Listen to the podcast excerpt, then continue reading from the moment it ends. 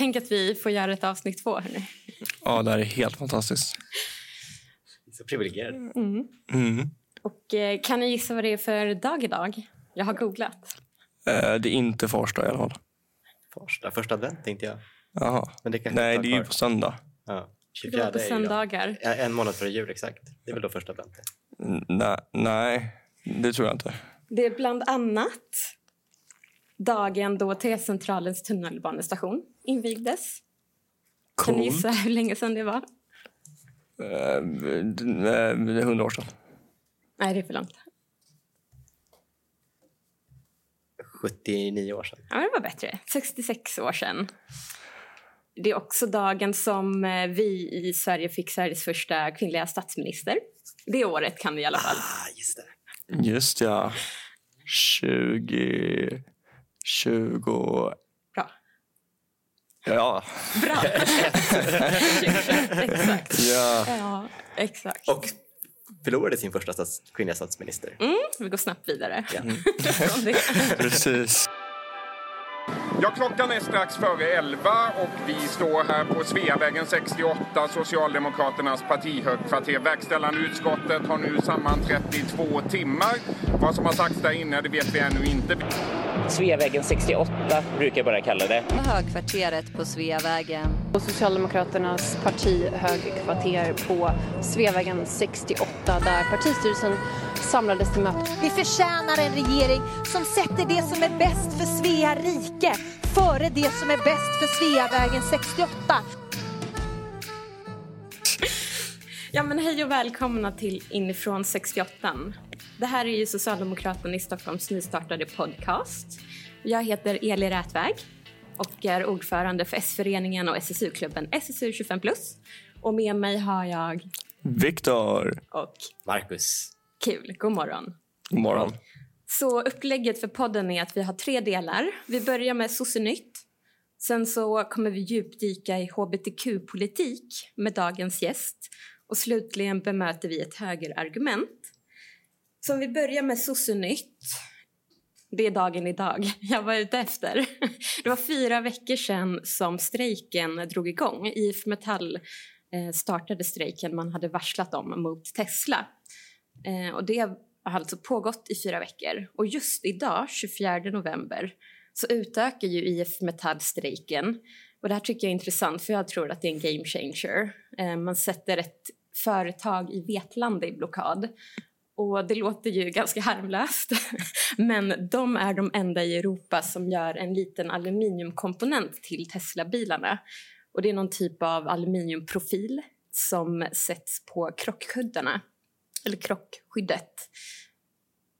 Men annars, det man började med för fyra veckor sedan var ju att sätta blockad på verkstäderna. Alltså Teslas verkstäder i Umeå, Uppsala, Stockholm, Örebro, Norrköping, Göteborg och Malmö. Så det är ju ändå omfattande. Just det, ja. Eh, Jag snackade lite om bakgrunden till den här strejken. Då. Kort sagt, Tesla vill inte teckna kollektivavtal med IF Metall. Och Det har förhandlat i en längre period, men det har inte resulterat i någonting och eh, de har blivit eh, ombedda att inte skriva på några kollektivavtal, alltså då Tesla. Eh, och därav så har man då brutit mot de grundläggande principerna på svensk arbetsmarknad och därför har man gått ut i strejk Ombedda av... av Tesla. Ja. Ja, eller det är någon talesperson för Tesla tror jag. Som, som har sagt det. Så, men Basically, Elon Musk- ja, basically Elon Musk har ju, han vill ju att de inte ska teckna några kollektivavtal. Jag hade velat se något konkret, att han har sagt någonting, men jag har inte hittat det Han har skrivit, han skrev igår uh, “This is crazy” eller någonting sånt. Och så var det någon annan som var så här, ah, ja, nej vi, vi, vi har blivit ombedda att inte teckna några kollektivavtal. Någon snubbe som heter Sven tror jag sa det. Ja, det här kan man fact-checka. Så att, eh, ja. This is crazy, ja. Hmm. För själva kollektivavtalet det innehåller ju många fördelar för de anställda. Eh, och några av de största fördelarna är ju inflytande över sin arbetsplats, bättre lön och bättre pensionsvillkor. Och eh, facket menar, de har räknat på det här och de menar att bilmekaniker på Tesla har en snittlön som är under medel jämfört mot branschen som helhet. Och eh, motargumentet från Tesla-cheferna är ju att men de anställda blir kompenserade genom aktier som de får i bolaget. Problemet är att när man räknar på det så är det inte så att det är en fördel utan även om aktier ökar i värde så har de ju sedan 2021 snarare minskat. Ja, alltså dessutom så om, om man får aktier som kompensation så har man ju tagit en extra risk för att om det är så att bolaget Mm. går dåligt då förlorar man, om så att man förlorar jobbet så förlorar man också, så går det också dåligt för, för ens aktier och sparandet. Så att det är heller inte en, alltid en särskilt förmånlig modell även om man kan få mer incitament att jobba hårt. Men eh, sen har det ju också kommit massa sympatiåtgärder, eller hur? Ja, det där tycker jag är så himla hett. Sympatistrejk. Mm. Man sluter upp i solidaritet och allt. Just ja. Ja, lite snack om det då kanske.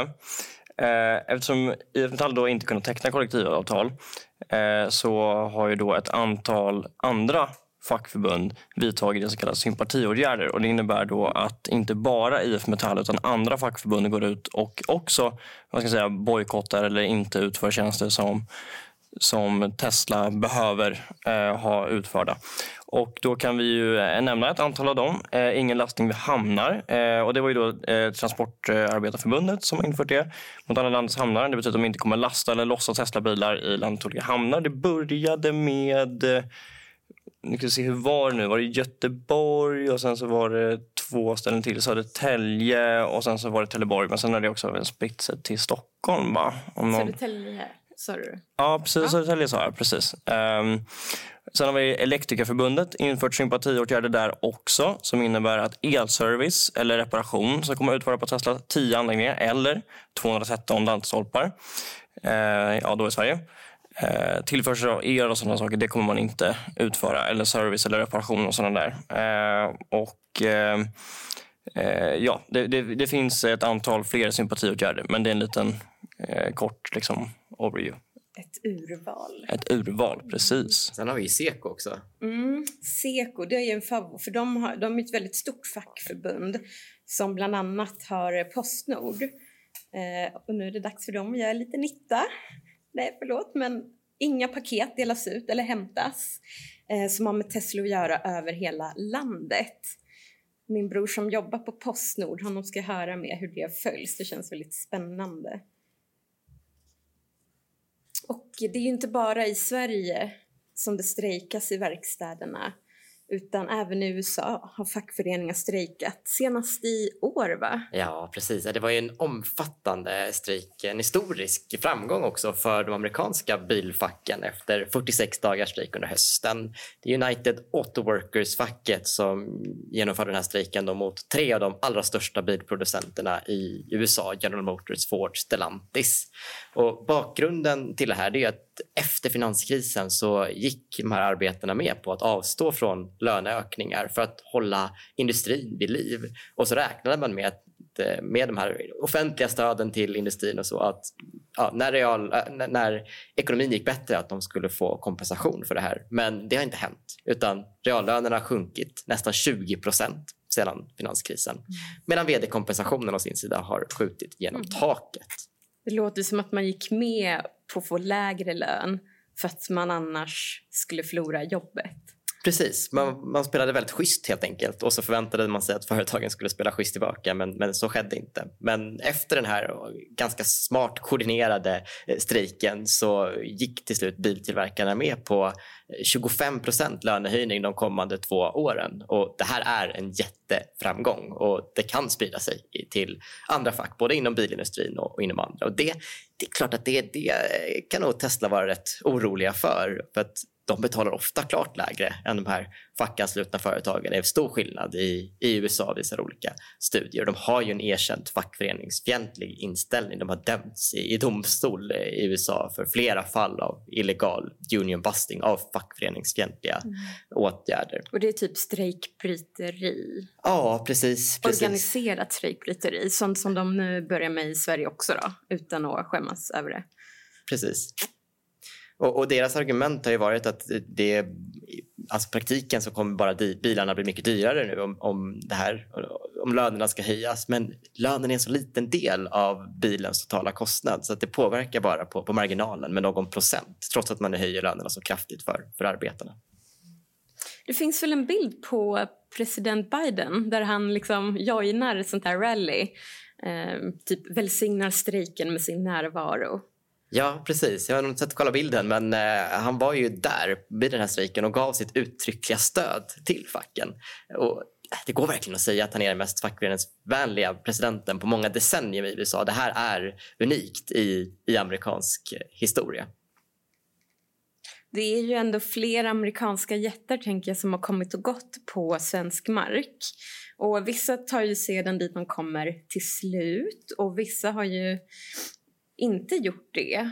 Eh, jag vet inte om ni minns, Toys R Us hade väl någonting? Just ja. Jo, eh, Toys R Us eh, vägrade ju då skriva kollektivavtal när de öppnade i Sverige på 90-talet. Det var 95, mm. om inte jag minns fel. Eh, och Då vägrade de skriva då med Handelsanställdas förbund. Eh, och de menade då, eftersom Toys R Us menade att de, eftersom de aldrig hade tecknat kollektivavtal tidigare med något, någon annanstans i världen så behövde de inte heller göra det i Sverige. Och Eh, de ville sätta godtyckliga löner, då, arbetsgivarna. Och sen så var det viss, eh, viss snack om eh, skadlig personkultur också, läste jag. Och att man ville diktera arbetarna på ett helt annat sätt som inte var förenligt med ja, svensk arbetspraxis och norm och sådär. Men man gick ut i strejk och det gjorde man då i Göteborg och Malmö och så spelade sig den senare till Stockholm. Och Man började tror jag på våren och sen så fick man till slut eh, i augusti eh, gav man upp. Eh, och så skrev man då till slut eh, kollektivavtal med Handels. Eh, sen så har vi Amazon. Eh, de, an de använder en underleverantör som har kollektivavtal men de har skrivit på några själva.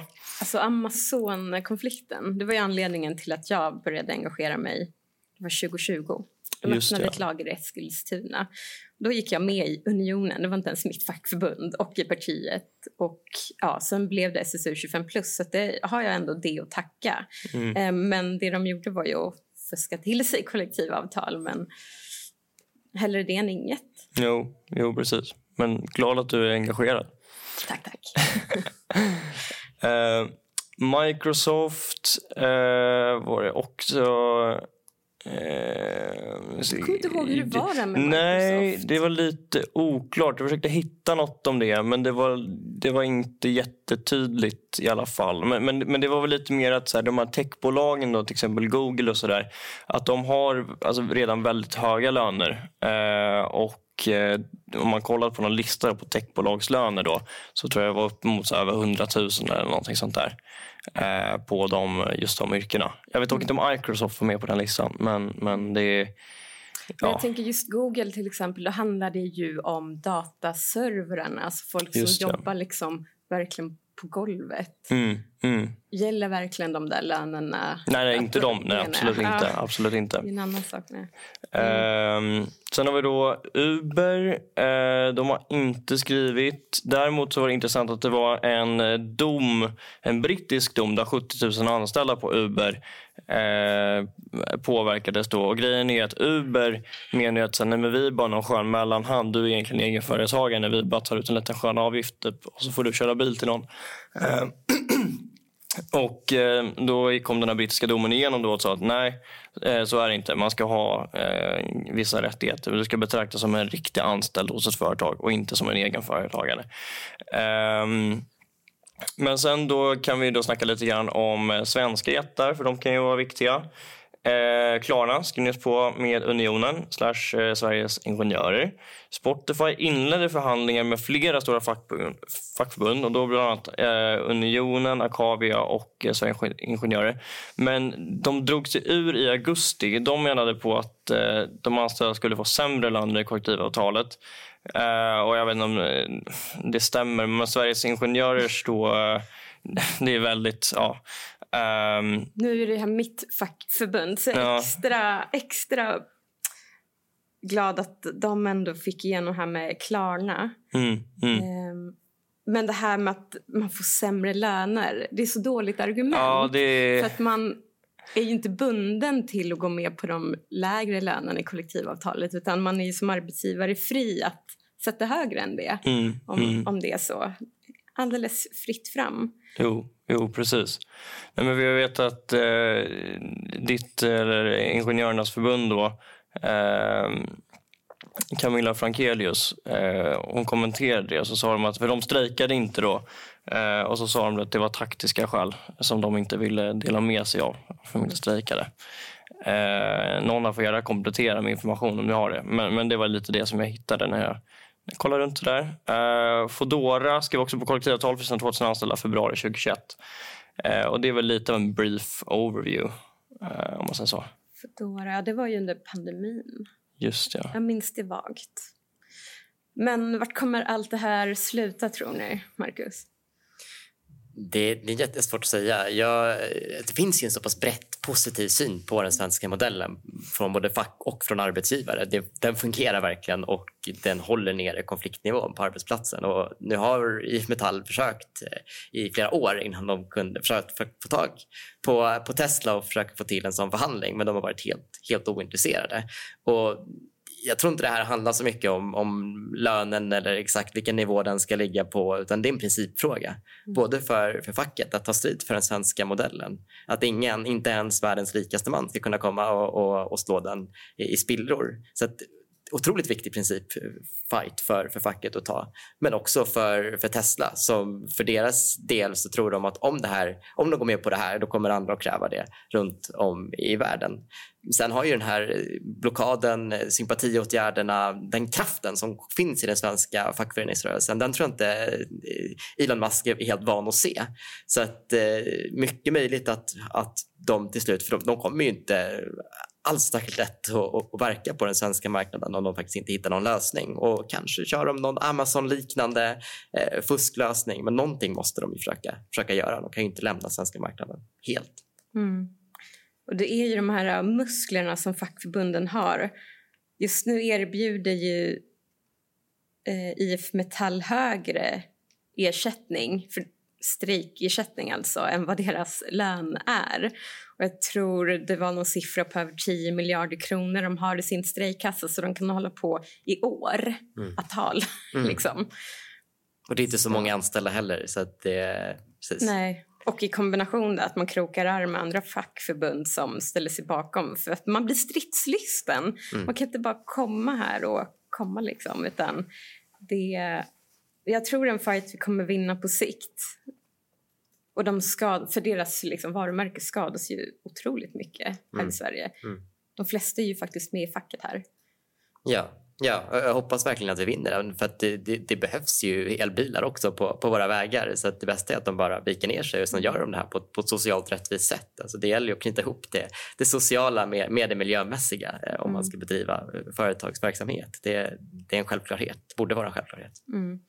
Och om det mot förmodan är någon som är anti-strejklyssnare här så är ju ett bra argument också till strejk som, som koncept att man i Sverige strejkar ju minst av alla nordiska länder i antal dagar för att det är en modell som funkar så bra med den svenska modellen. Så att, eh, det är ju snarare mindre strejk ju mer strejk man liksom, eller ju mer man anpassar sig till kollektivavtalen. Innan vi går vidare så vill jag ändå lyfta Stefan Löfven och credda honom lite för hans solidaritet. För han berättade ju här att eh, när han ringer efter taxi, jag tror om det var Taxi Stockholm, så bad han ju om att inte få taxi Teslor eller Teslabilar. Och det är något fint i den eh, solidariteten. Och Taxi Stockholm har ju också sagt att de ska sluta köpa in Teslor. Och allt det här för 130 anställda. Så jag håller tummarna. Det gör vi alla, va? Ja. Mm. Ja. Verkligen.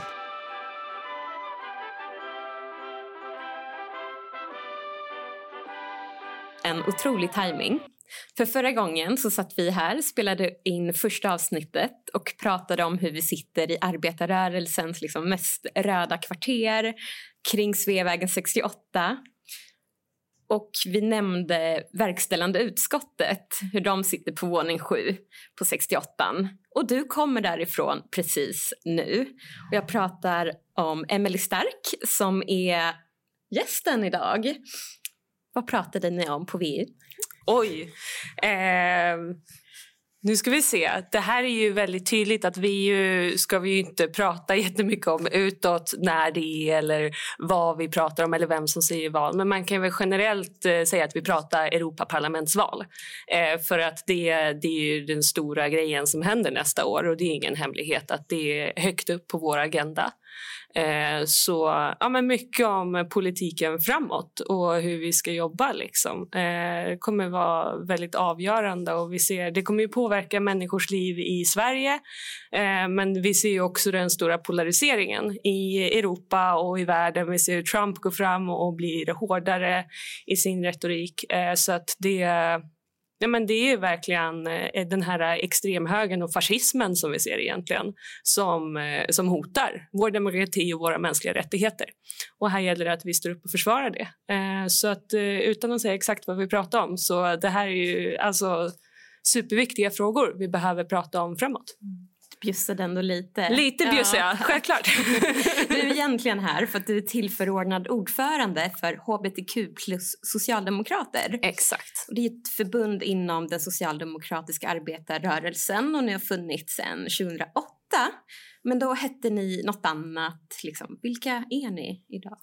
Ja, men egentligen så startade vi som typ ett nätverk i Stockholm. Det var det första och då hette det till och med homosossar. Alltså det var så pass länge sedan och det var typ 80-talet. Eh, och då var tanken att hitta ett nätverk där andra då homosexuella sossar kunde ses och prata om eh, olika förtryck och så i samhället och hur man kan jobba bättre med eh, att förbättra för hbtq plus-rättigheter som det ju blev mer och mer. Liksom. Även om det började som homosossar så blev det väldigt snabbt att bisexuella, eh, Eh, transpersoner och så kom med i samma rörelse. Eh, så när vi bildades som förbund på 2000-talet då var det ju HBT socialdemokrater vi hette. Eh, och nu sen kongressen i våras, i och med att det är två kongresser på varandra för att få igenom ett namnbyte så heter vi nu hbtq plus socialdemokrater. Och plusset är lite så här uh, frivilligt. Man kan säga hbtq socialdemokrater om det, eh, om det är lättare att säga liksom, än att få med alltihopa eller hbtqs eh, för, att, för att få med hela namnet. Så. Mm. Och jag vill också lyfta att eh, jag känner dig som eh, tidigare aktiv i 25 plus, SSU 25 plus. Mm. Kommer du fortfarande ihåg? Vart du började? Ja, ja, men självklart. Men, och det kan jag ju dra. Alltså, jag började ju hela min politiska bana med att åka till USA eh, och kampanja för Hillary Clinton. Det var ju jag och två kompisar. Egentligen så här, eh, på en fest tyckte att det var en kul idé. Bara, vad ska vi göra? Tänk om Trump vinner? Men ska vi inte dra dit? Det blev lite grabbig stämning och så bestämde vi oss dagen efter för att men det, det här är ju faktiskt en bra idé. Ska vi inte åka och kampanja? Så att vi var tre personer som inte var politiskt aktiva överhuvudtaget som började så här, vad finns det för kontakt heter, Hur kan vi hitta dem? Hur kan vi nå dem? Och så åkte vi dit och knackade dörr. Eh, I ett land jag aldrig hade varit i förut eh, med människor jag inte kände sen innan. Och det var typ den bästa resan jag har gjort i hela mitt liv. För att det var så välkomnande och det var liksom politiskt och det var med människor som brann för någonting. Jag, kände, alltså jag hade sån glöd.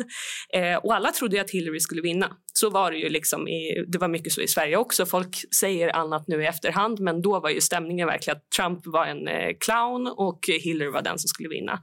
Så vann Trump och jag kände att nej men det här får inte hända i Sverige. Jag kan inte låta de här högerextrema värderingarna och så få fotfäste på samma sätt. Eh, så mänskliga rättigheter har ju alltid liksom varit det som har fått mig att brinna men också på något sätt eh, motståndsrörelsen mot Trump eller då mot SD i Sverige eller så som fick mig att sen när jag kom tillbaka till Sverige gå med i Socialdemokraterna. Och då blev det ju SSU 25 plus väldigt naturligt eh, för att vad var jag? 27 år då. Eh, så att det, det, blev en naturlig hemvist där jag hittade andra sossar i min ålder som var ungefär samma stadie i livet och så. Så att Superkul. Mm. Eh, bra sätt. Också bra brygga mellan SSU och partiet liksom, för att hitta sin roll i det hela. Mm. Man hör ju att du har suttit i styrelsen. Har argumenten. Exakt. och grejen är att vi har så mycket vi vill prata med dig om på vår lista. Den är lång. Kul. Bland annat tänker jag att vi vill lyfta hbtq plus Socialdemokraternas egen politik. Men även vilken politik partiet har drivit i regeringsställning eller driver. Könstillhörighetslagen är också någonting som jag definitivt tycker vi ska prata om. Definitivt. Just ja. Och sen så jag, jag vill gärna snacka lite grann om attityder bland unga. Eh, en attityd som jag stöter på tyvärr en aning för ofta den är ungefär någonting i stil med jag är inte homofob men jag vill inte ha dem i mitt ansikte. typ. Jag vill inte se dem, jag vill inte veta om att de existerar men jag är inte homofob. Men ja, Den typen av attityd och hur man ska kunna motverka det. Och om, ni, om ni har någon take på det. Liksom. Mm. Också ska tilläggas um, att Marcus, du är ju också aktiv i hbtq+. Stämmer bra. Mm. Jag har varit aktiv i, i, i hbtq i, i Stockholm i, i flera år eh, också. Ja. Vill du haka på ett av de ämnena direkt eller ska vi ge dig något? Ja, men, eh, vi kan väl börja från eh, början. Alltså, du var mm. inne på eh, våra frågor och du nämnde också könstillhörighetslagen, Marcus. Eh, och jag tänker att vi kan börja i den änden. Eh, vi har ju ett nytt förslag som kommer läggas till riksdagens bord nu i februari om ny könstillhörighetslag. Och den baserar sig på ett förslag som socialdemokratiska regeringen tog fram Eh, och när det förslaget kom fram då kände vi i hbtq plus socialdemokrater att okej, okay, tråkigt, det här var lite urvattnat. Vi hade velat ha ett lite skarpare förslag med faktiskt självbestämmande och lite mer den eh, biten och få med det. Men eh, vi känner ändå att det här är ett superviktigt steg på vägen. Eh, för det underlättar, förslaget som ligger framme, det, det är egentligen eh, korta ner processen, underlättar, gör det enklare att göra hela juridiska bytet av kön. Mm. Eh, så att vi tycker att den är superviktig, eh, även om vi hade velat gå längre. Ska vi lite kort bara så här, explain like I'm five. Vad innebär det här lagförslaget som S-regeringen la fram? Oh, alltså jag skulle kunna eh, bara dra igenom, alltså, precis, precis inför valet så kom det här förslaget lite försenat och det beror mycket på, på pandemin. Men idag finns det en könstillhörighetslag och nu ska den delas upp i två delar. En del om juridiska möjligheter att byta kön och en annan då om det rent medicinska för kirurgiska liksom, ingrepp. Och för det juridiska så ska en person då som är över 16 år genom en förenklad prövning av Socialstyrelsen kunna byta kön i, i folkbokföringen och, och då sänks alltså åldersgränsen till, till 16 år.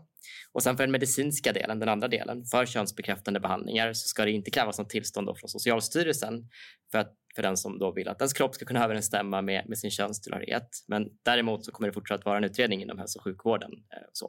Och så finns det olika eh, ja, begränsningar vid, vid, olika åldersgrupper för vilka processer som, som krävs för det här. Så att processen för att byta kön den, den är lång och den är ofta väldigt jobbig.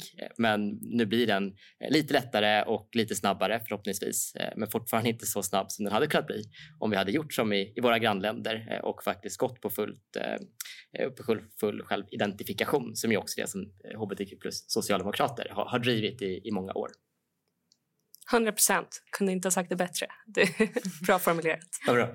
Så en uppdelning i juridisk och medicinsk del. Den nuvarande lagen idag, det är liksom förslaget att separera hur den fungerar i praktiken. Typ. Och också förenkla processen, alltså korta ner i antal steg eh, och så. så att det gör verkligen jättestor skillnad för många. Och jag vill ändå trycka på det också för man får det att låta som att den nya lagen ska göra det så himla lätt att det bara skicka in ett papper och så är det klart. Det kommer det inte heller vara utan det är fortfarande det som Marcus var inne på. De här olika stegen som man ska gå igenom eh, och jämför det med idag när det till och med kan vara så att om en person typ har gjort könskorrigerande vård och liksom gått igenom alla de stegen men typ råkar skicka in sin ansökan för sent om att ändra juridiskt kön så kanske man inte får göra det. Eh, vilket göra att eh, om man nu ska använda det biologiska som eh, ursäkt för vad man ska vara och inte vara så finns det personer som liksom har gjort hela det korrigerande från eh, vad man blev tilldelad som vid födsel och nu har liksom medicinskt gått igenom en lång process men ändå inte får ändra juridiskt kön. Alltså det är för svårt idag. Det är personer som liksom det, tar, det är en jättelång process, många fastnar i kön och även de som gör enligt konstens alla regler, så länge du typ gör något litet misstag längs vägen så blir det ett problem. Eh, så att det här är ju för, alltså det är personer som far illa. Vi har också sett eh, men det tar jättelång tid att få ditt första besök hos en läkare när man söker för könsdysfori och så. Eh, vilket gör att ja, men, självmordsstatistiken är alldeles för hög det här är liksom allvarligt och vi behöver ta det på allvar. Många unga drabbas av det här. De behöver kontakt med vården. Och Det är det andra, eh, andra sidan av myntet som vi också behöver prata om. Parallellt med könstillhörighetslag behöver vi också prata om mer pengar till vården. För när högern skär ner på vården, när de skär ner på generella bidrag till kommuner och regioner, då skär de också ner på transvården. Och det behöver vi också prata om, att det här med höger och vänsterpolitik, det drabbar också hbtq plus-personer det är inte bara att det, det handlar inte bara om att vifta en flagga på Pride. Liksom. Det handlar inte bara om att eh, stå bredvid en kändis som råkar vara homosexuell och säga jag backar dina rättigheter. Det handlar om att lägga pengar där det idag inte finns. Mm. Det blir ju ofta så att när, när det kommer nedskärningar så är det ofta minoriteter, hbtq plus-samhället som, som drabbas allra först av dem. Så att, eh, det, det är verkligen på riktigt. Alltså, liksom, transpersoners hälsa idag, det är allt för många som mår alldeles för dåligt. Visst har du lite, lite, gjort lite research på det, Viktor? Jo, om jag har gjort research. Eh, Folkhälsomyndigheten har släppt en rapport eh, 2015 som visar att mer än hälften, alltså 57 procent eh, av alla transpersoner i åldern 15 till 19 är all, har allvarligt övervägt suicid vid minst ett tillfälle de senaste 12 månaderna. Eh, och eh, hälften av de här eh, transpersonerna svarade att de uppgav eh, att de hade ett bra eller mycket bra allmänt hälsotillstånd. Ehm, eller att det bara var liksom hälften som, som uppgav det. Ehm, och eh, cirka fem, en femtedel svarade att de hade ett dåligt allmänt eh, hälsotillstånd. Ehm, Sen finns det, det finns en hel del till. Ska vi fortsätta eller ska vi... Ja, vi kör. Ja. Uh, obehandlad könsdysfori. Uh, transpersoner som har diagnosen könsdysfori har 56 gånger så hög sannolikhet jämfört med befolkningen som helhet att vårdas för depression och ångestproblematik. Uh, den ökande risken för depression och ångest minskar dock mer och mer ju längre tid som går eftersom efter genomförd könsbekräftad vård, vilket ja, man kan dra sina egna slutsatser av det. Och vad man, ja, men det är, ja. Och Det är något som talar för att ångest och depression kan ha att göra med den obehandlade könsdysforin. Um, så med den bakgrunden låter det ganska självklart med, med en sån här typ av lagstiftning. Men visst är det en debatt eh, inom, också inom vårt parti kopplat till den här könstillhörighetslagen? Eh, absolut. Eh, det jag tycker är superbra att du lyfter nu det är all den här statistiken. Alltså för att vi behöver titta på vad är fakta, vad ligger på bordet? Hur mår folk och hur ska vi se till att man får bäst vård? Och typ se till att folk överlever också och inte begår självmord. Det här är helt fruktansvärt att vi ens står inför en sån diskussion. Att det här är, ja, i alla fall. Eh, men ja, eh, det, finns, det finns ju en oro. Så här har det varit i alla våra nordiska grannländer när de har infört eh, samma typ av lagstiftning eller mer självbestämmande då, som de faktiskt har infört. Då har många orosargument lyfts och det är det som hörs i debatten idag. Det vi behöver då se till när det kommer till fakta och statistik är att de här ororna som man kände inför att det skulle införas, det har inte besannats. Utan det har varit egentligen, egentligen är det ju argument som eh, kommer från högerkonservativa och till och med vitmaktrörelser där man försöker driva på och misstänkliggöra transpersoner som att det är någonting, ja, som att man egentligen typ är en man som bara vill smita in på kvinnornas omklädningsrum och ska göra det med ett juridiskt könsbyte. Det är helt absurt. Liksom. Den har man ju hört, det stämmer. Och det, har ju, det är ju inte sant, för det, har ju, det händer ju inte. Eh, och, eh, Då vill jag återigen trycka på att även, även om det hade varit sant så är det ändå inte det den här lagen gör. För det blir inte 100% självbestämmande. Det här handlar om att underlätta för transpersoner. Så att det är verkligen det är viktigt att vi också håller isär dialogen. På samma sätt som man pratar om att man är orolig över att alldeles för unga personer ska göra eh, kirurgiska ingrepp. Den här lagen gör inte så att yngre får kirurgiska ingrepp. Det här handlar om juridisk könstillhörighet. Eh, så att vi behöver hålla liksom fokus på vad är det vi pratar om, vilken fakta ligger på bordet och behandla det på det sättet. Sen självklart kan det finnas oro, men vi ska inte låta en, en rädsla och oro som till och med kan bli transfobisk stå över eh, fakta, argument och eh, verkligheten. Jag är nyfiken om du, om du upplever att eh, kampen för hbtq plus-rättigheter i Sverige har liksom gått mot baksteg de senaste åren. Det har kommit mycket bra reformer från, från S-regeringen som har gått i rätt riktning men i, i det offentliga samtalet, alltså, vi har ju självklart sett hur Sverigedemokrater har gått ut och eh, sänkt eh, regnbågsflaggor och eh, spridit missinformation om desinformation om, om drag queens till exempel. Eh, hur, hur bedömer du den utvecklingen i, i partiet men också i samhället i stort? Jag tycker partiet har varit duktiga på att eh, stå upp emot och stå för fri kultur och fritt utövande på det sättet när Sverigedemokraterna har varit väldigt hårda. Eh, så det, det är ju Sverigedemokraternas eh, linje. Däremot har inte den, eh, eh, jag höll på att säga den moderatledda regeringen men jag skulle egentligen vilja säga den sverigedemokratiska ledda regeringen för det är ju det det faktiskt är. Varje gång, eh, varje gång en sverigedemokrat går ut och säger saker som att eh, ja, men det, Pride gynnar pedofili då måste Kristersson typ gå och kolla med Åkesson. Får jag kritisera det här eller, jag, eller går det emot något Tidöavtal då? Och innan han får ett OK så kan han inte uttala sig i media. Det är jättemånga gånger vi har märkt det. Att han, alltså, hans, det har till och med varit eh, någon sverigedemokrat som gick och önskade tidigare moderatledaren livet. Liksom. Eh, och det kom inget svar. Eh, för att uppenbarligen så fick han inte kritisera sitt samarbetsparti och det är ju fruktansvärt att det är så. Så indirekt så spär ju Moderaterna på det här när de inte står upp för mänskliga rättigheter och när de låter Sverigedemokraternas retorik få hålla på på det här sättet. Men definitivt, alltså inte bara i Eh, ja, men drag queens nämnde du, även icke-binära lucior har ju Sverigedemokraterna varit emot. Eh, och det blir ju också då tydligt att men det, det har behövt öka säkerhetstänket på många kulturevenemang eh, för att man överhuvudtaget ska kunna hålla. För att när hatretoriken kommer från partier på det här sättet då kommer också en massa av motståndsrörelse och det kan eh, ske attacker mot eh, dragqueens som läser sagor för barn. Liksom. Alltså det är fruktansvärt. Eh, men också så ser vi att eh, ja, men RFSL hade kongress för inte så länge sedan. De väntade med bara ett par dagar innan de utlyste vart de skulle ha sin kongress. Eh, och det, ibland så på många sådana här evenemang så uppmuntras man också att men tänk på kanske inte gå runt med regnbågsflaggor överallt i närheten där man är. Eh, och det är så vi alltid har gjort inom hbtq plus-rörelsen när vi är iväg och ja, men på internationella resor i typ Serbien och grejer där det är lite osäkert. Men nu, nu ges samma rekommendationer kring event i Sverige för att det har blivit så hatiskt emot. Så att ja, vi märker att det har blivit en förskjutning i frågorna. Mm. Och En sak jag upplever hör ihop när man pratar om ja, men, SD och motstånd mot ja, men, det är homofobi och transfobi då kommer man in på det här med liksom kärnfamilj och sen så abortfrågan. Vad, vad är det som händer där?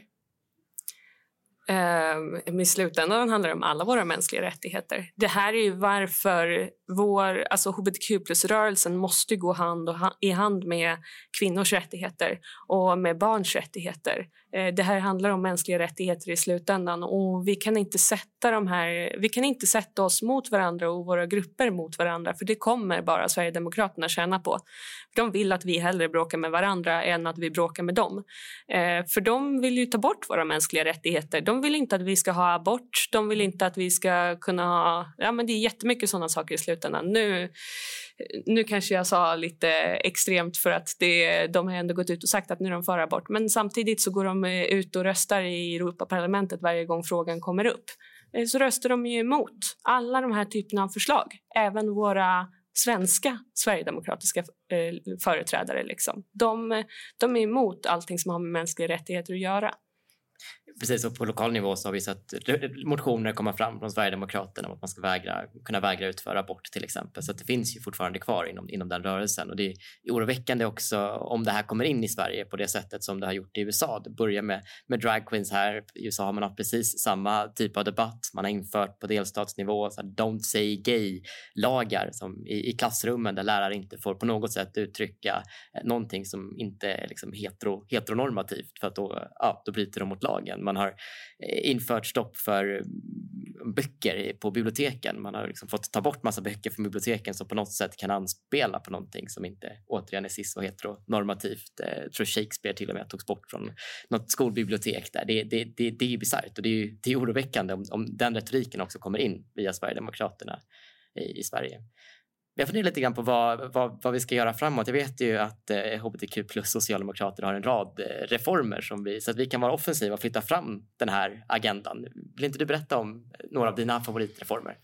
Ja, men eh, efter könstillhörighetslagen, då, eller parallellt med den, så var vi också med eh, frågan om omvändelseförsök.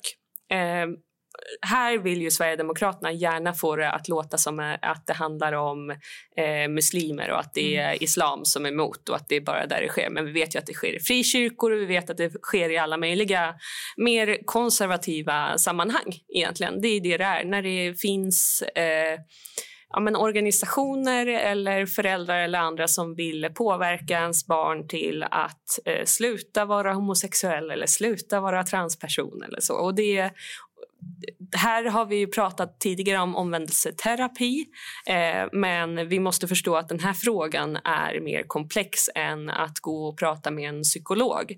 Det här är Alltså, vissa av de omvändelseförsöken som sker är, alltså, det kan liknas vid exorcismliknande eh, processer, vilket är helt fruktansvärt. Så att vi behöver, vi behöver ta krafttag mot det här. För att nu har vi kikat på det här och funderat på, eller Socialdemokraterna satt och funderade ett tag på, behöver vi verkligen komplettera vår lagstiftning? Hur ska vi göra framåt? Eh, och så har man tyckt att nej, men det här är så fruktansvärt så att det borde väl inte vara lagligt. Men det sker ju fortfarande. Har, har du någon uppfattning om hur många personer alltså hur många homosexuella som har blivit utsatt för det här. För när jag googlade runt på det där, då var det 5 och då var det och då var, för det var svårdefinierat. Och då var det liksom så här mer hårda påtryckningar. Inte typ någon så här, ja men du kanske ska gå till den där kyrkan ändå. Alltså den skulle inte räknas in eh, till, till eh, de här 5 procenten till exempel. Nej, men, och, och, Det beror ju helt på vart man drar gränsen. Vad är ett omvändelseförsök? Mm, mm. Eh, för att eh, alltså det finns ju också, om vi då går tillbaka till eh, transpersoners vård så finns det ju de som kommer till eh, en läkare där man säger ja, men jag vill ha en utredning för könsdysfori, jag mår inte bra eh, och så går man därifrån med lite antidepressiva och bara du är nog bara deprimerad. Det är alltså var går gränsen för att du är nog inte transperson på riktigt? Testa det här istället. Och vad, vad är den här extrema då exorcismutövningen? Eh, den är ju, alltså det är, en, det är en skala och där behöver vi bestämma oss för vart drar vi gränsen och hur ska vi göra det här på ett bra sätt. Mm. Rent konkret, eh, omvändelseterapiutredning, hur ser den ut idag? Vad vill hbtq plus uppnå? Eh, och ligger det något i partiets förslag som är ståndpunkten? Kan du hjälpa mig att reda ut det? Nej, alltså jag tror inte att det ligger något förslag på bordet just nu utan det man vet är att det finns, eh, det finns en utredning och det finns en samlad majoritet i riksdagen som är emot omvändelseförsök. Anledningen till att det liksom inte lyfts upp är att eh, återigen eh, är regeringen, alltså den SD-styrda regeringen, inte överens. Den här gången är det inte SD som är emot, den här gången är det Kristdemokraterna som är emot.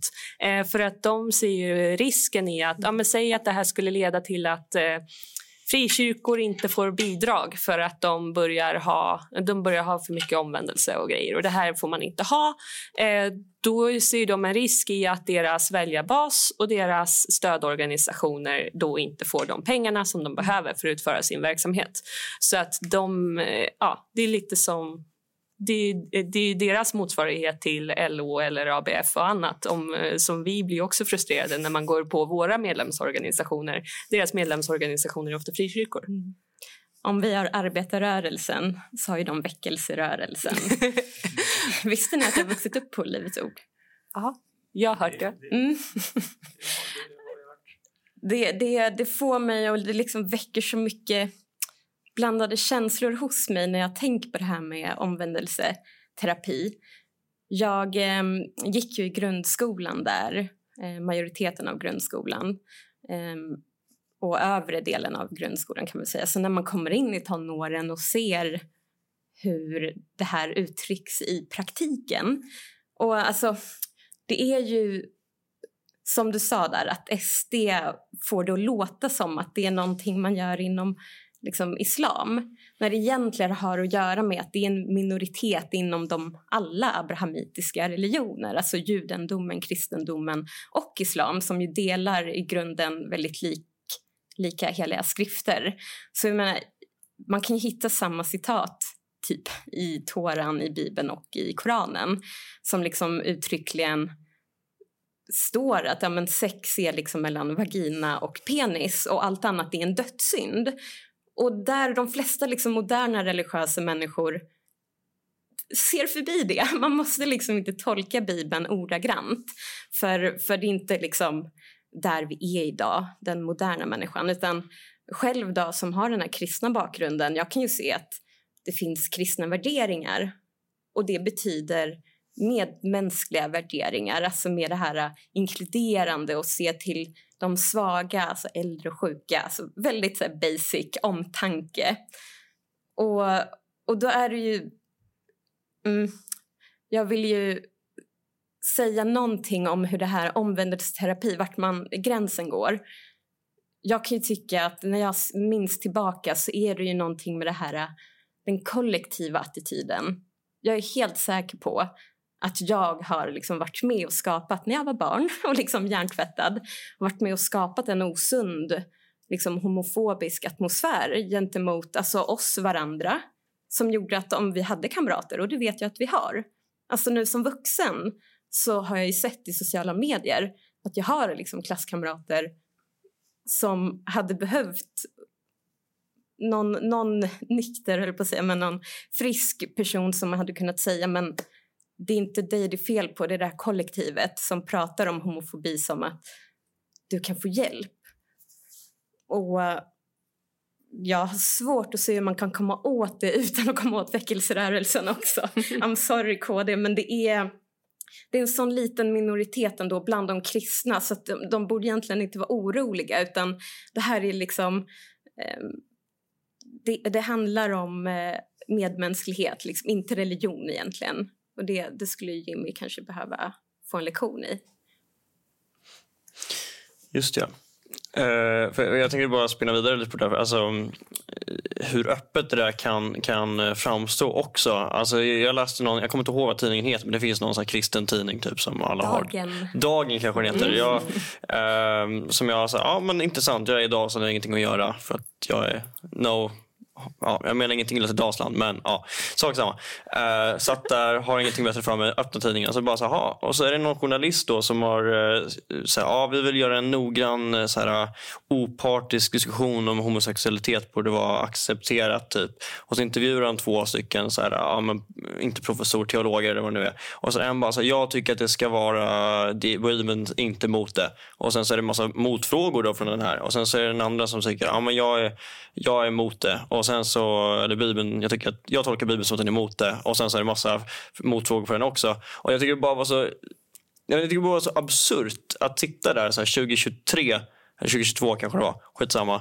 Uh, och bara så här, huh, det är alltså inte självklart för de här människorna. det, nej men för, för mig, alltså så här, liksom där man växer upp, man växer upp lite i en bubbla liksom, och man umgås med vissa personer som ändå har rätt så här, ofta sunda värderingar. För det där tänkte jag också vilja snacka om det jag pratade om tidigare med attityder. För att det, det är en attityd som jag kan stöta på alltså, rätt ofta. Alltså om man liksom börjar skrapa lite på ytan. De här personerna som typ så här, de har en sak och de litar på det tillräckligt mycket för att våga säga det öppet. Men de har inte vågat säga det till någon annan. Och då är det typ så här, nej alltså, så jag är inte homofob liksom, men jag vill liksom bara inte ha dem i mitt ansikte typ. Alltså det, det är den typen av, av resonemang. Alltså man vill inte se dem någonstans. När de går Pride-paraden, de som gör det till sin identitet eller någonting och så stämmer på det. Jag bara så här, ja, jo det kanske inte är jättebra att sitta typ så här på Youtube och kolla Fox News som, typ, som rapporterar på Pride-paraden. Det är så här, ja, då, då kanske det, alltså, det, det hur ska man motverka den typen av attityder? För, för de blir liksom så, de kommer liksom under mattan. Man, kan, man, man ser det ibland på sociala medier. Till exempel när Försvarsmakten lägger ut en prideflagga typ. Och så är det en shitstorm i det där kommentarsfältet. För att alla bara, nej men vadå, ni ska vara opartiska. Och så skiter de i alla de här kommentarerna som är bara homofobiska.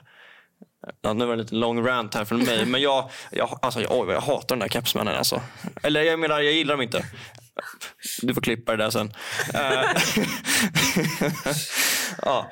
eh, jag vet inte vad frågan var här exakt. Men... Attityder som, som, som inte luftas öppet, förutom möjligtvis vissa stängda forum i sociala medier.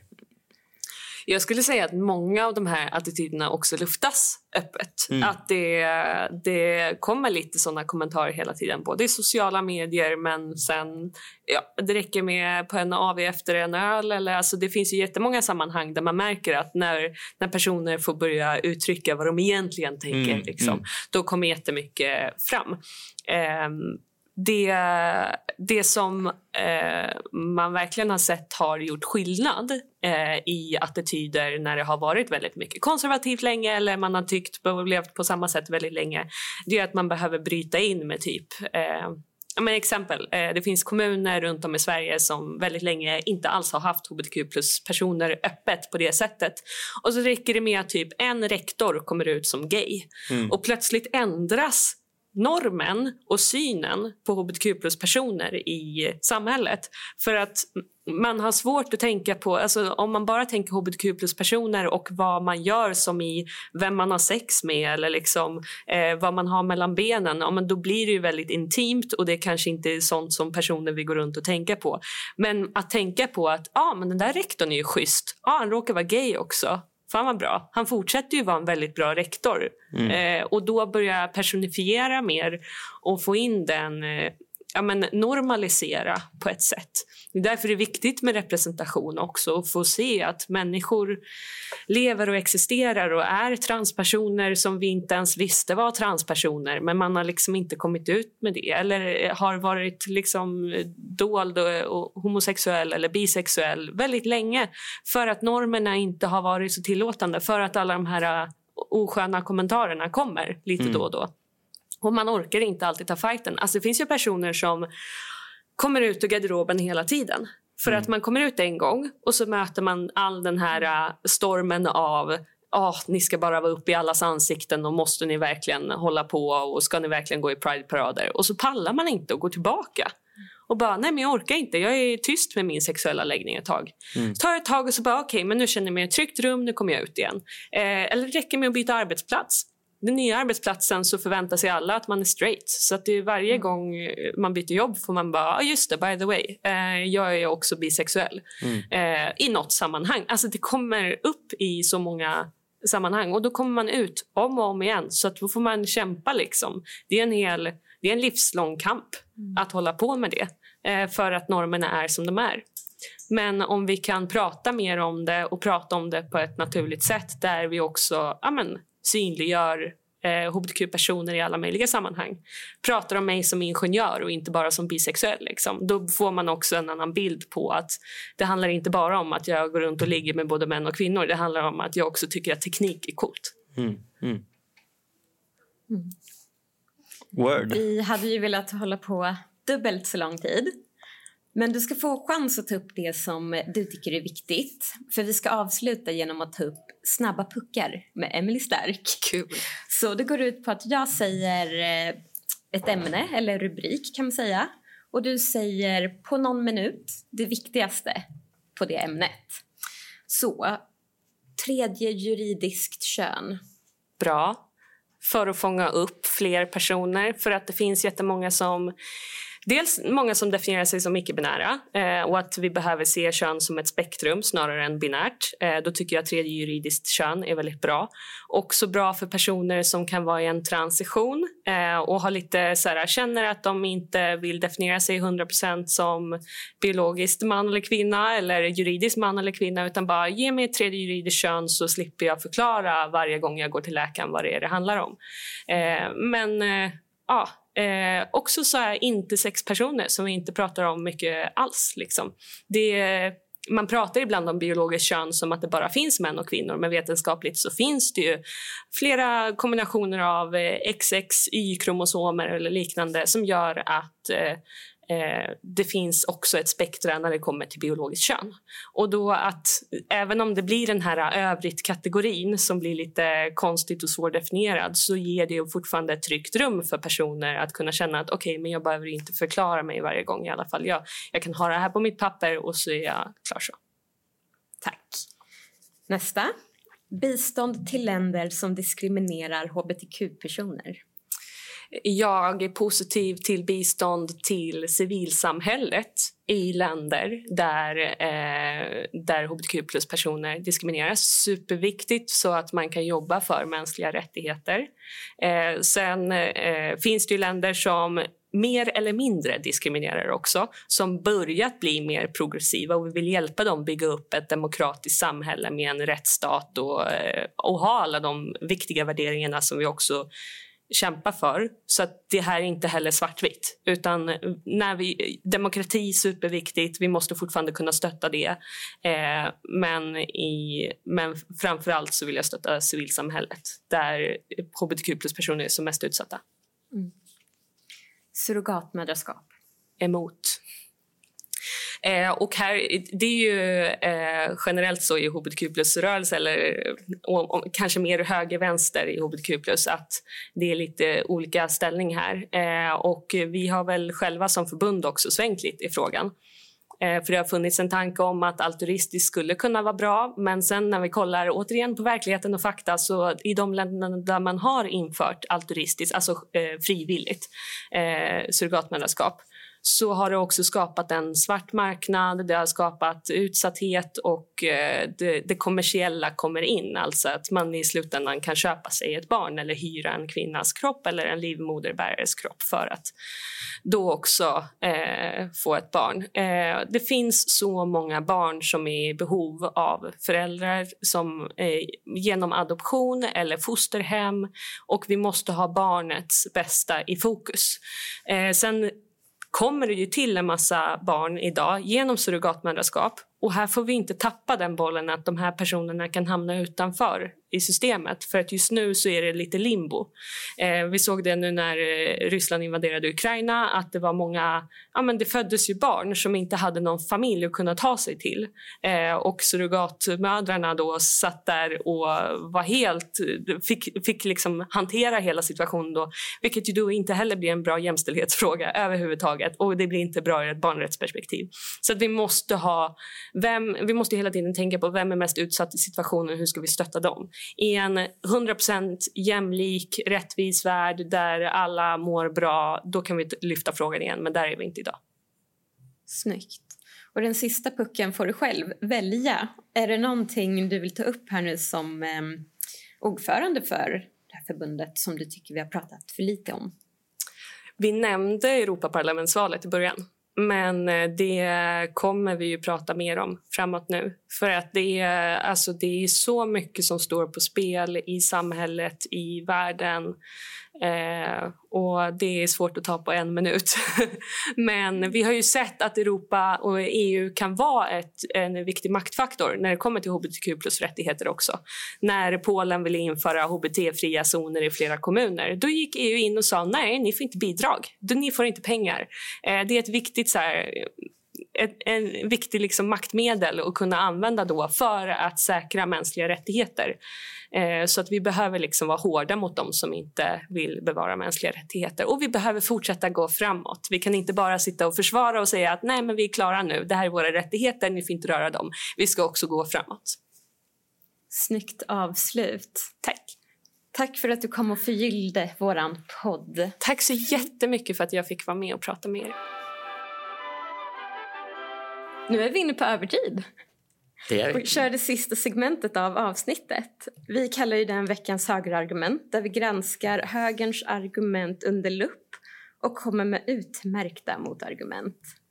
Och den här gången så spelar Göran Persson en nyckelroll. Nåväl, ungefär. För han är ju styrelseordförande för LKAB.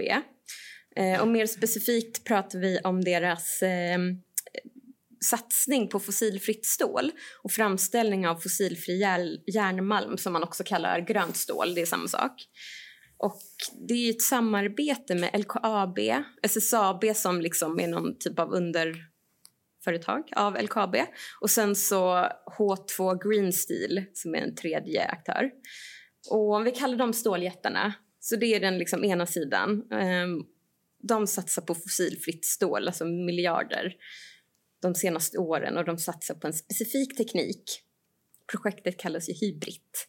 Det har man kanske hört. Det är två stycken olika projekt. Så Mm. Ett är Hybrid som drivs av LKAB, SSAB och Vattenfall och sen ett separat som drivs av H2 Green Steel. Mm. Snyggt. På andra sidan, mot ståljättarna, har vi en rapport som näringslivet har finansierat. Och de är kritiska till satsningen. Eh, och det kom ut eh, på riksnyheter här för, för ett par veckor sedan. Och tidigare har högerdebattörer som MUF, Svenska Dagbladet och Dagens Industri avfärdat eh, ståljättarnas satsning eller sågat dem helt enkelt. Jo, på riksnyheterna har vi hört ståljättarnas representanter argumentera mot författarna bakom rapporten som kommer från SNS. Vet ni vad det är förkortning för? Studieförbundet Näringsliv och Samhälle. En Tack. tankesmedja eh, i, i Stockholm som är kanske lite marknadsorienterad, ska man kunna säga. men det är också forsknings, ja, forskningsförbund Mm. Backat av näringslivet. finansierat av näringslivet. Precis. Yes. Och jag vet att ni har förberett fyra argument. Vem vill börja? Ja, ja ska jag kanske kan börja då? Eh, för jag tänker att om jag tar argumenten och så får du... Du kan vara the bad guy, Victor. Jag kan vara the bad guy, jag är van. Uh, kan vi börja lite då? Okej, så att Marcus. Det finns de som säger att det är en grön bubbla och att tekniken inte är redo. Och att andra tekniker kommer bli mer effektiva, såsom CCS. Hur svarar du på det? Det är klart att det är en affärsrisk som, som man får ta. Det är möjligt att det blir billigare att använda CCS. Så eh, allt för att eh, satsa på minusutsläppstekniker eller den typen av, av filter. Men mycket tyder på att det här kommer att fungera. All den här tekniken, som alla delar i, i, produktionskedjan har testats, har fungerat. Så att alla delar funkar. Sen så krävs det såklart otroligt mycket innovativ ingenjörskraft för att få det här att fungera på plats. Men pilotprojekt har visat att det går att producera det här stålet eh, på ett fossilfritt sätt. Och Det man ska ha med sig också är att de här masugnarna som är i centrum för produktionen, de behöver bytas ut. Det, det är en 50-årig investeringscykel, livscykel på den här produktionen vad jag har förstått det som. Och när de, nu, när de nu går mot sitt slut, då är frågan, ska vi bygga in oss i 50 år av mer fossilberoende? Eller ska vi satsa på ny teknik som eh, är ja, i princip helt fossilfri? Okej, jag gillar vad du säger. Eller det gör jag inte, för jag är emot dig här. Men eh, vad säger du om att järnmalmen som används inte är från svenska gruvor utan importeras från Brasilien? Wow! Det är bara, bara nu, nu tillfälligt då, som, eh, som vi inte har fått på plats den infrastrukturen eller så för att frakta järnmalmen från svenska gruvor till, till de här produktionssajterna. Man har inte fått till de avtalen, vilket är synd. Och det är klart att det blir ökade klimatpåverkan om vi importerar ända från Brasilien istället för att ta det hemifrån från Sverige. Men miljöargumentet är ju ändå det starkaste för det här projektet. Att utsläppen går ner med 95 procent jämfört med, med innan. Eh, eh, och, och, det här är något vi måste göra också för att kunna hålla oss i, i linje med EUs utsläppshandel. Den är ju på väg ner mot noll. Att vi inte ska ha några fossila utsläpp eh, redan 2039 med, med, nuvarande, med nuvarande politik. Så att, för, för miljön så är det här ett oerhört bra projekt skulle jag säga. Det är klart det finns många dimensioner av det, men för klimatet i alla fall som är den mest akuta miljöfrågan så är det, så är det bra. Just ja, så kan det vara. Eh, men vad, vad säger jag om... Jag, jag ser nu att jag har skrivit ett eh, motargument på mitt egna argument här. Men eh, okej, eh, det saknas offentlig finansiell information trots att många finansiärer är offentliga. Precis, att det är ju, de här projekten... Vi, vi kanske ska tydliggöra vad vi, vad vi menar med det. Ja, men exakt. Kanske. De här projekten är ju, de är ju privatfinansierade med vissa liksom, mindre stöd från offentliga finansiärer. Lite offentligt stöd från Industriklivet till exempel, en nationell, politik. Mm, ja. Men också en del pengar från Europeiska investeringsbanken som ju, som ju är lån. Men det är små droppar i havet jämfört med de privata, det privata kapital som har satsats på det här. Hundratals miljarder som har satsats i, på de här projekten. Och de gör ju det för att, för att tjäna pengar. Jag har svårt att se att de skulle göra det av en välgörenhetsaktion. Och gör de det så är väl det, väl det fine för oss. Men, men sannolikt så gör de det här för att de ska kunna tjäna, tjäna stora pengar. Och anledningen till att de tror att det här kommer bli lönsamt, trots att det absolut är dyrare att producera fossilfritt stål än kolbaserat stål idag, är ju att prissättningen, priserna på att släppa ut koldioxid, den har gått upp väldigt snabbt. De priserna har gått upp snabbt och de är på väg uppåt ännu mer. Och det är från EUs utsläppshandel som har blivit mycket skarpare. Och det kommer att slå eh, ännu hårdare mot konkurrenterna. Så att många menar att vi, vi, vi, snart är där, där det kommer att bli mycket mer lönsamt att producera stålet på det här sättet. Det finns jättemånga kunder som vill köpa, vill köpa det här, eller hur Eli? Ja, jag vet vad du syftar på. För att Scania är ju ett av de företag som har gått ut med alltså, på senare tid att man från 2030 tänker köpa eller göra lastbilar av bara grönt stål. Och det är ju en jättehäftig eh, ja, men, ansvarstagande från deras sida att visa att branschen är med. Liksom. Mm, precis, och det, det, skapas ju mängder av jobb i, i Sverige. Gröna omställningen i sig förväntas skapas 100 till 250 000 jobb och bara i norra Sverige så pratar vi om 50 000 jobb kopplat till gröna omställningen. Så det är ett sätt att bryta urbaniseringen, se till att jobben hamnar här och inte i USA. Klart det är bra för ekonomin. Så högerargumentet var att det var en grön bubbla, typ. Alltså en ekonomisk bubbla. Mm. Just det. Det var från början. Mm. Precis. Mm. Det, för det är klart att det finns en del privata eh, liksom, bedömningar, analyser av om det här kommer bli lönsamt eller inte som man inte delar för det är affärshemligheter. Så att om man tittar på det här utifrån som forskare då kommer man inte se alla argument för och emot och då är det svårt att bedöma om det här är projekt som kommer att fungera eller inte. Just ja, checkmate. Eller jag menar, nej, så är det inte. Men, eller jo, det är det. Men, ja, jag, det, jag är liksom, det är någon kognitiv dissonans här för mig. För att jag liksom, du är inte van att vara... Nej, jag är inte van att byta plats. Jag byter plats i mitt egna huvud där. Ja. Men, ja, tack, tack. Men det starkaste argumentet av dem alla. ja, uh, och det är att jättemycket grön el kommer behövas. Vi kommer att ha dubbla elproduktion till 2040. Och då men det är gröna stål, Marcus. Så kommer 85 procent av det gröna stålet att behöva producera vätgas. Vi kommer behöva bygga vindkraft, bygga, ja, kanske inte kärnkraft, kanske kärnkraft. Jo, om jag är höger då är kärnkraft. Ja, sak samma. Eh, vill man ha det? Jag vet inte. Kanske. Kan det legitimeras i ögonen av väljaren? Det är ju det starkaste argumentet, så eh, det kan jag absolut ge dig. Däremot så, eh, så, att så här, vi kommer behöva fördubbla vår elproduktion om vi ska klara av den här, den här omställningen. Och eh, nästan all den nya el kommer gå just till elektrifiering av industri och vätgasproduktion. För det krävs jättemycket el för att producera den här vätgasen. Det som är positivt är att det finns en enorm vilja att bygga den här elen för att förnybar el, framförallt vindkraft, även solkraft, har blivit mycket billigare de senaste, orden, senaste åren. De, de, de skarpaste analytikerna i, i världen på internationella energiorganet, IEA, de har gjort prognoser hela tiden för hur snabbt priserna kommer sjunka på det förnybara. Och varje år så bommar de att det går så fort. Varje år överträffar Eh, marknaden eller tekniska utvecklingen deras prognoser. Så att det har blivit otroligt mycket billigare att bygga det förnybara, den förnybara energin. Och det är klart att på land bygga vindkraft har blivit politiserat och känsligt lokalt och där går det att titta på olika ersättningsmodeller. Jag tror mycket på att bygga havsbaserad vindkraft eh, och det finns jättemånga företag som vill, vill göra det. Om man räknar ihop alla ansökningar, en del överlappar varandra, så man skulle räkna ihop alla ansökningar för att bygga havsbaserad vindkraft här för bara något, något år sedan så motsvarar de tre gånger hela Sveriges elproduktion.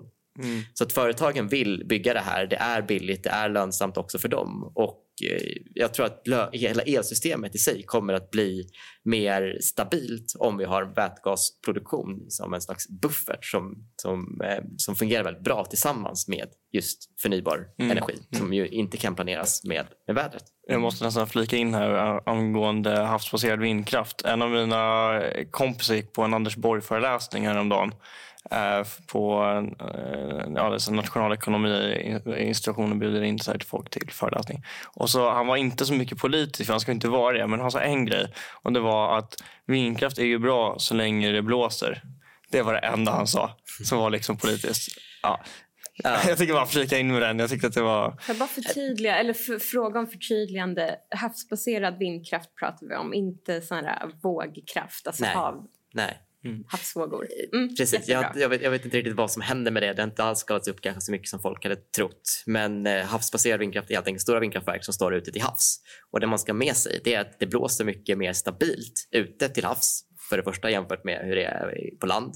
Och sen också att den här vätgasen den kan du producera när det blåser mycket. Och så kan du lagra den i, i stora energilager och så mm. använder du den i produktionen när det, när det är som billigast när det inte blåser till exempel. Så mm. Det är det jag menar med att det blir en stötdämpare. Att de fungerar så bra tillsammans med varandra. Mm. Så där behöver man inte det här konstanta tillflödet utan så länge det blåser tillräckligt mycket under en fyra veckors period eller ännu längre än så, så, så blir det inga problem just med, ja, med väderberoendet. Checkmate, Anders Borg. Får jag bara lägga till ett argument också och det, och det är ju att det är en geopolitisk kontext av det här. Vi, vi, vi, är väldigt beroende av Kina i den här gröna omställningen. Men om det är så att vi kan producera elbilar med, med svenska batterier, med svenskt fossilfritt stål från svenska gruvor med svensk energi, eller nordisk eller europeisk, så blir vi också mer självförsörjande. Och det borde ju vara en utveckling som vi, vi, ja, vi borde värna. Förutom att få skapa jobben här och inte till exempel i, i USA som ju också slåss om samma, samma typer av jobb. Mm. Just ja. Nej, men för det är verkligen bra med en kritisk debatt eh, så man inte hamnar i någon så här bubbla då eller eh, grupptänk. Men jag tänker givet de argument som du har presenterat så tycker jag inte att Anders Borg vinner här utan det, det känns ändå rätt självklart liksom vad, vi, vad vi måste göra och att vi måste göra den här satsningen. Eh, och sen så är det ju rätt, alltså ekonomiskt så är det inte jätte Alltså det är rätt små statliga tillskott jämfört med de här 40, 400 miljarderna eh, som eh, regeringen ger i kreditgarantier till, eh, till eh, kärnkraft. Då. Och det är ju 40 000 per person. Så att, ja. Det... Ja. Precis, det går verkligen att ifrågasätta hur teknikneutrala den här, den här regeringen är. Men precis som mm. du säger, det är verkligen bra att vi, att, att vi granskar det här, att, att vi funderar på vad som är den bästa strategin. Men jag ser inte att vi har så många valalternativ nu. Hade vi agerat för 20 år sedan då hade vi kunnat välja exakt vilka väg vi ska ta för att lösa klimatkrisen på det snabbaste, på det mest effektiva sättet. Nu måste vi bara eh, nu måste vi agera för att krisen är här nu. Och när vi har så, så bra tekniska lösningar som skapar så mycket jobb som gör jättestor skillnad för klimatet eh, när förnybar el är så, så pass mycket billigare som också är det rent geopolitiskt, ja, men då känns det självklart att vi också ska, vi ska också stödja det. Mm. Så sammanfattningsvis här har vi fyra eller fem argument tror jag nu för fossilfritt stål. Där det första var att tekniken är mogen och att det gör en stor skillnad för klimatet. Det är sannolikt ekonomiskt lönsamt Sen har vi att förnybar el har blivit mycket billigare. Och det sista är att det ur ett geopolitiskt perspektiv är bra att bli fri från till exempel kinesiska varor. Yes, precis. Ja, men mina damer och herrar, då hade vi våra fem motargument mot eh, de högre argumenten som Viktor så fint stod just ja, för. Just ja, jag känner mig besegrad. Och slutligen så vill jag ändå nyansera lite grann här till högerns försvar. Så uppmärksammade ju faktiskt Ulf Kristersson fossilfritt stol i positiva ordalag.